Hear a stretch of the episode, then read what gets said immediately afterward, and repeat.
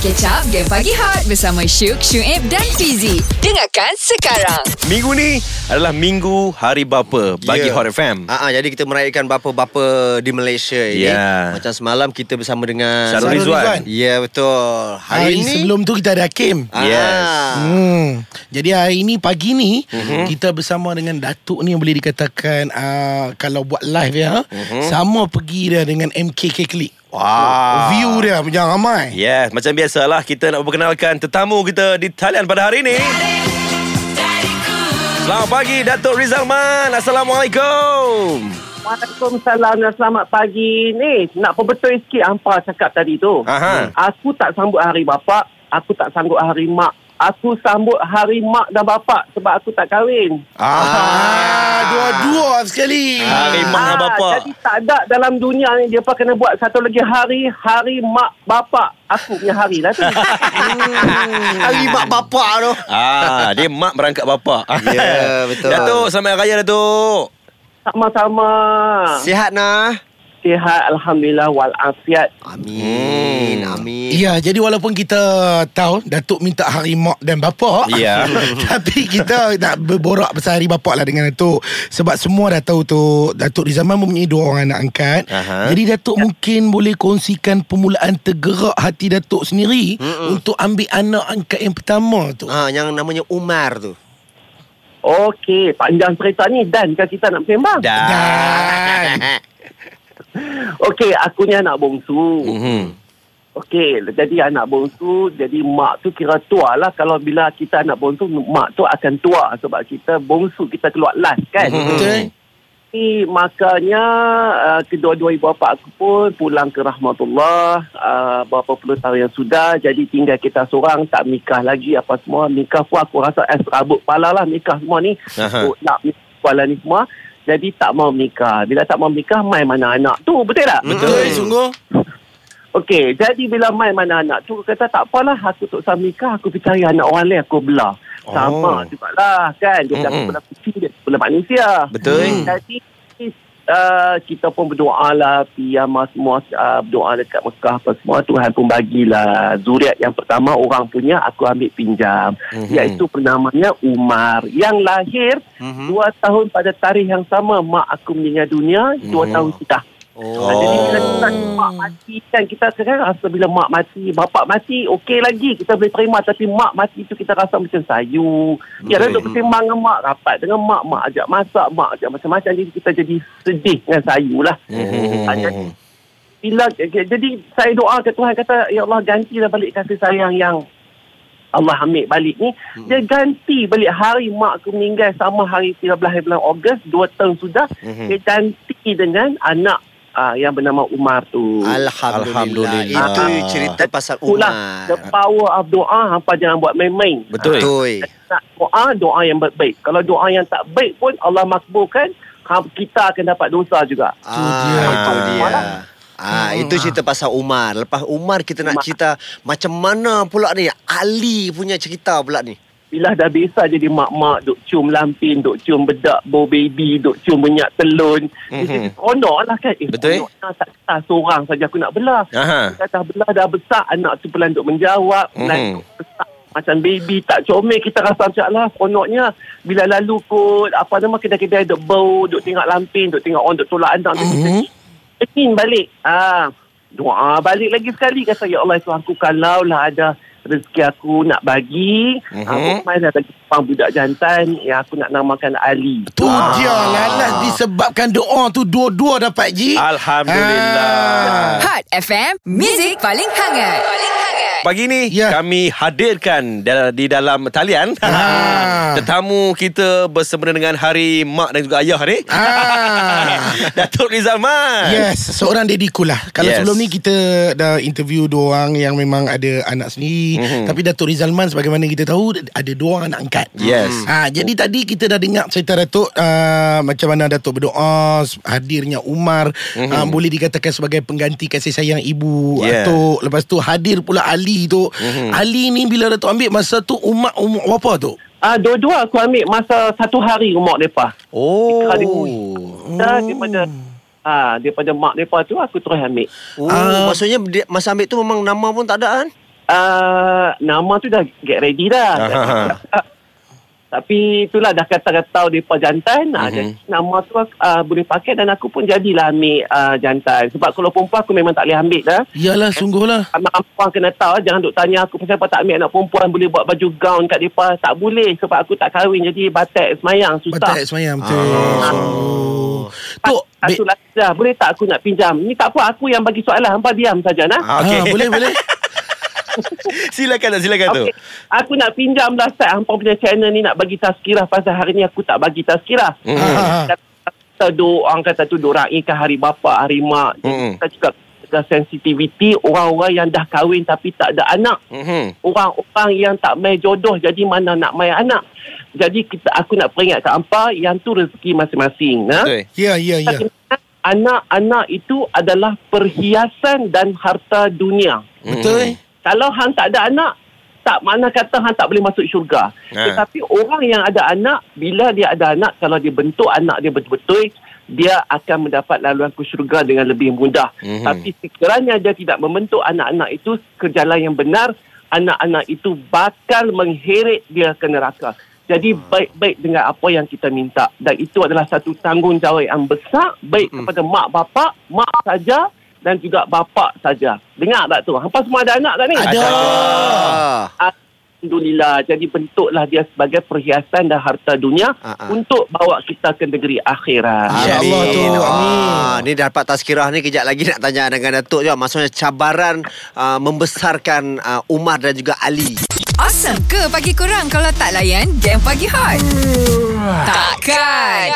So, dengarlah Syuk Syuib dan Fizik. Pagi ni kita bersama dengan Dato' Rizal Man. Ya. Ya, seorang daddy cool. Mm-hmm. Uh, uh, seorang pelakon fashion yang berjaya. Ya, betul. Uh, ID. Oh, lah. Ah, Tukang masak yang dahsyat Ah, Ay, Datuk. tak payah, tak payah. Dia tahu semua tu dah. Dia betul Saja je kita remind. Ah. Ah. Datuk, ini nak tanyalah cabaran membesarkan Umar dan Ali. Lagi-lagi pula depa ni anak angkat. Bila depa tahu depa anak angkat tu macam mana reaksi diorang? Mm-mm. Ah, macam mana tu Datuk? Uh, yang ni masalah orang yang ambil anak angkat ni dia uh, sebab uh, aku ambil Umar uh, berapa betul dah Umar ni okey Umar dah dekat 18 tahun dah Baik Hmm. Oh, besar dah. semenjak dia baby pun aku dah expose dah semenjak dia mula faham bahasa apa apa aku cakap aku dah habaq kata Umar bukan anak baba Umar anak orang lain baba tolong belah bla bla bla bla bla jadi Mhm. dia kecil dia dah expose dah dia tahu kata bapak dia ni bukan bapak dia betul Oh, dia dah Hmm. faham betul dah, nah? macam mana. Ah, dia dah tahu. Ali pun macam tu juga. Mhm. Masalah orang bila ambil anak angkat ni, dia tak mau bagi tahu. Dia takut kata budak tu teguri hati lah. Dia tak Mm-mm. sampai hati dah. Mai dah besar, bila dia tahu, dia bebai lah. Dia Ah, memberontak ah. Ayahnya. Kena habaq. Sebab tu kita dengan anak-anak tak boleh selindung apa-apa rahsia. Anak-anak pun tak boleh selindung apa-apa rahsia dengan kita. Jadi kita kena tahu semua. Mereka pun kena tahu apa cerita. Jadi supaya kita tak ada masalah di masa hadapan. Itu cabarannya bagi orang yang tak beritahu. Cabaran aku, aku tak ada cabaran. Sebab aku memang transparent. Tu, Alhamdulillah Tuhan bagi aku, macam aku kata tadi, hari mak dan bapak. Apa yang mak pandai, aku boleh buat. Apa yang bapak pandai pun, aku boleh buat juga. Memang Allah kata, hang memang tak ada jodoh atas dunia ni. Memang hang rezeki hang kena jaga dua orang budak ni, tolong mereka. Jadi kita terima apa saja yang kita apa dijadikan oleh Allah atas muka bumi ni. Jadi kita happy. Kita tak payah nak serabut kepala. Ya Cabaran yang lain Aku rasa tak ada Sebab Kita kena syukur Kalau ada jadi cabaran pun Kita kena ambil sebagai satu hikmah Betul Story kita macam tu Kita kita counselling diri kita sendiri Berpandukan Al-Quran dan Sunnah dan Hadis hmm. Selamat kalau kita duk pergi tanya kawan kita, kalau kita duk tengok TV, duk tengok apa penceramah yang bukan Islam duk bagi cara-cara ataupun kita pergi baca buku yang tak kena mengena, kita tengok Instagram, kita tiru orang lain punya cara hidup, memang mampu lah. Hmm. dapat jawapan tu. Jawapannya daripada diri sendiri dan kita minta doa yang tu saja. Alhamdulillah Hmm. insya-Allah benda tu akan jadi jatuh elok sempurna. Tu dia Tapi Oh. tapi tu Macam mula-mula kan ah, Tak ada kekok sikit tu Macam Yalah mula-mula kita Terus pula nak angkat Nak buat susu Ah. Buka lampin Aku bongsu Bila aku bongsu ah, Anak-anak mak Anak-anak kakak Anak-anak abang aku Semua akan Dihantar ke nursery mak aku lah Rumah mak aku lah nak, nak jaga semua cucu-cucu dia sekali masak Akulah yang kena Oh, Oh. dah biasa dah. Dah berlatih daripada Ah. dulu lagi. Ada pengalaman. ada pengalaman. Jadi kadang-kadang dulu, masa dulu kita dikata mak ni apa-apa sikit nak suruh. Apa-apa suruh mama. Apa-apa suruh memang. Kita penat. Tapi sebenarnya kita tak tahu di, di kala itu itu adalah hikmah bagi kita yang kita dok merongot tu. Rupa-rupanya hikmah itu uh, sebabnya dan kejadian itu terjadi selepas itu yang kita tak tahu akan jadi di masa hadapan dan berguna kepada kita. Uh, faham ke tak? Ya, tu- Faham. ha, ni Datuk keluh nasib kita. Hmm, kita nak tanya Datuk lah kan Apa uh, pengalaman yang membanggakan Datuk Dengan uh, kedua-dua anak syurga ni Datuk Yes Music paling hangat. Paling hangat. Pagi ini kita bersama dengan Datuk Rizal Man ha, Bercerita soal anak-anaknya Ya, ah. hmm. Okey, Umar dan Ali. Uh, Umar dah 18 tahun Datuk eh? Ya saya. Oh, okey sepanjang uh, membesarkan Umar dan Ali ni apa antara macam pengalaman ataupun kenangan yang Membanggakan membanggakan. Ah, membanggakan Datuk sebagai seorang bapa angkat. Bangga tu tak lah lagi. Tak Ha? ha? tahu lah apa pencapaian mereka. Tapi bangga lah bila kita tengok macam mereka duduk semayang. Hmm. Alhamdulillah. Macam doa, mereka kemas pinggan lepas kita makan. Mereka suar apa, cedok nasi bagi kat kita dulu. Oh, macam-macam bagus. kita. kita Allah, bagi aku, aku tak ada expectation ke anak-anak aku. Bagi aku, mereka nak jadi apa apa lepas ni, jadilah pesan aku nak jadi tukang sapu ke nak jadi tukang jual nasi lemak tepi jalan ke nak bawa Mhm. pas ke nak bawa grab ke nak jadi manager ke CEO ke Hmm. Mayang hang kena cukup Jadi orang baik Jangan buat penayang orang Lepas tu buat keluar sedekah selalu Yang tu je aku pesan Ah, Masya Allah Harta aku adalah harta aku Harta hang Harta hang kena cari sendiri Bagus, bagus. Itu yang paling Ah, penting tu. Betul, betul. Harta Ismail Ulam Raja Ah, aku penat cakap harta ni. Sebahagiannya adalah harta hampa jugalah besok bila dah jadi pesaka tapi sebahagiannya adalah harta daripada yang tang luak ni juga. Betul. Yang dekat depa hampa kena faham tu. Kalau bapa hampa kaya pun bukan semua tu hampa punya. Ha, macam tu lah aku cerita. Mak sebidik macam Zin Ahmad Albab kat gua tu lah. Iyalah, iyalah. Tapi betul tu pemahaman Datuk ni memang bagus supaya anak-anak ni tak naik lemak orang kata. Betul Tak, Bagus oh hampa duduk kangkang main game hampa tunggu duit saja main lah. Kangkang main game. Tok daripada segi uh, Tok punya Ialah pekerjaan pu- pula uh, Umar dengan Ali ni ada terlibat sama ke Bantu Tok Daripada segi Hmm. penyediaan Baju ke Lagu mana ke Macam aku cakap tadi lah Tak semesti aku ni jadi pekar fashion ke Apa ke Lah lah ni pun aku dah pension Tak Hmm. semestinya Hampa kena ikut jejak aku Sebab Tuhan kata setiap orang ada matlamat hidup dia untuk tolong orang lain. Aku Betul. tolong orang lain dalam bentuk pekerjaan aku sebagai prekar fashion dan mu- mungkin juga sebagai, sebagai seorang ikon. Mhm. Hang nak jadi tukang sapu ke, ada juga matlamat hang tolong orang. Maksudnya bagi jalan bersih, Mm-mm. Kita ni dalam dalam Islam ni Nabi ajak kalau kita angkat ranting pi buang ranting berduri nak bagi orang berjalan kat jalan tu pun pahala punya besar Mhm. mm-hmm. apatah lagi kerja sebagai tukang sapu Betul betul tak Betul. ha, jadi pasti dalam bidang apa sekalipun ada matlamat kebaikan dia kalau rezeki dia tak banyak dalam bidang tu mana kata Allah nak selamat dia pada api neraka sebab bila kita ada diberi rezeki yang banyak kita tend to be jadi syaitan Hmm, Okey. Betul, betul. Duit dah banyak mula lupa. Ah, lupa diri. Ha, rezeki banyak. Ha, jadi lagu tu lah aku ingat. Kan awak InsyaAllah. macam uh, tazkirah saja kan ni nah? Eh okey. Okey. Okey, sekali lagi Datuk ada pesanan khas untuk ampa-ampa semua yang Ah. sedang mendengarkan Hot FM. Aha. Nindia Dayang Nur Faizah, lelaki teragung. Terus dengar Hot Untuk- FM. Untuk aku kan tu, untuk aku kan tu lagu tu. Untuk Tok lah Ah. Awesome ke pagi korang kalau tak layan game pagi hot? Takkan.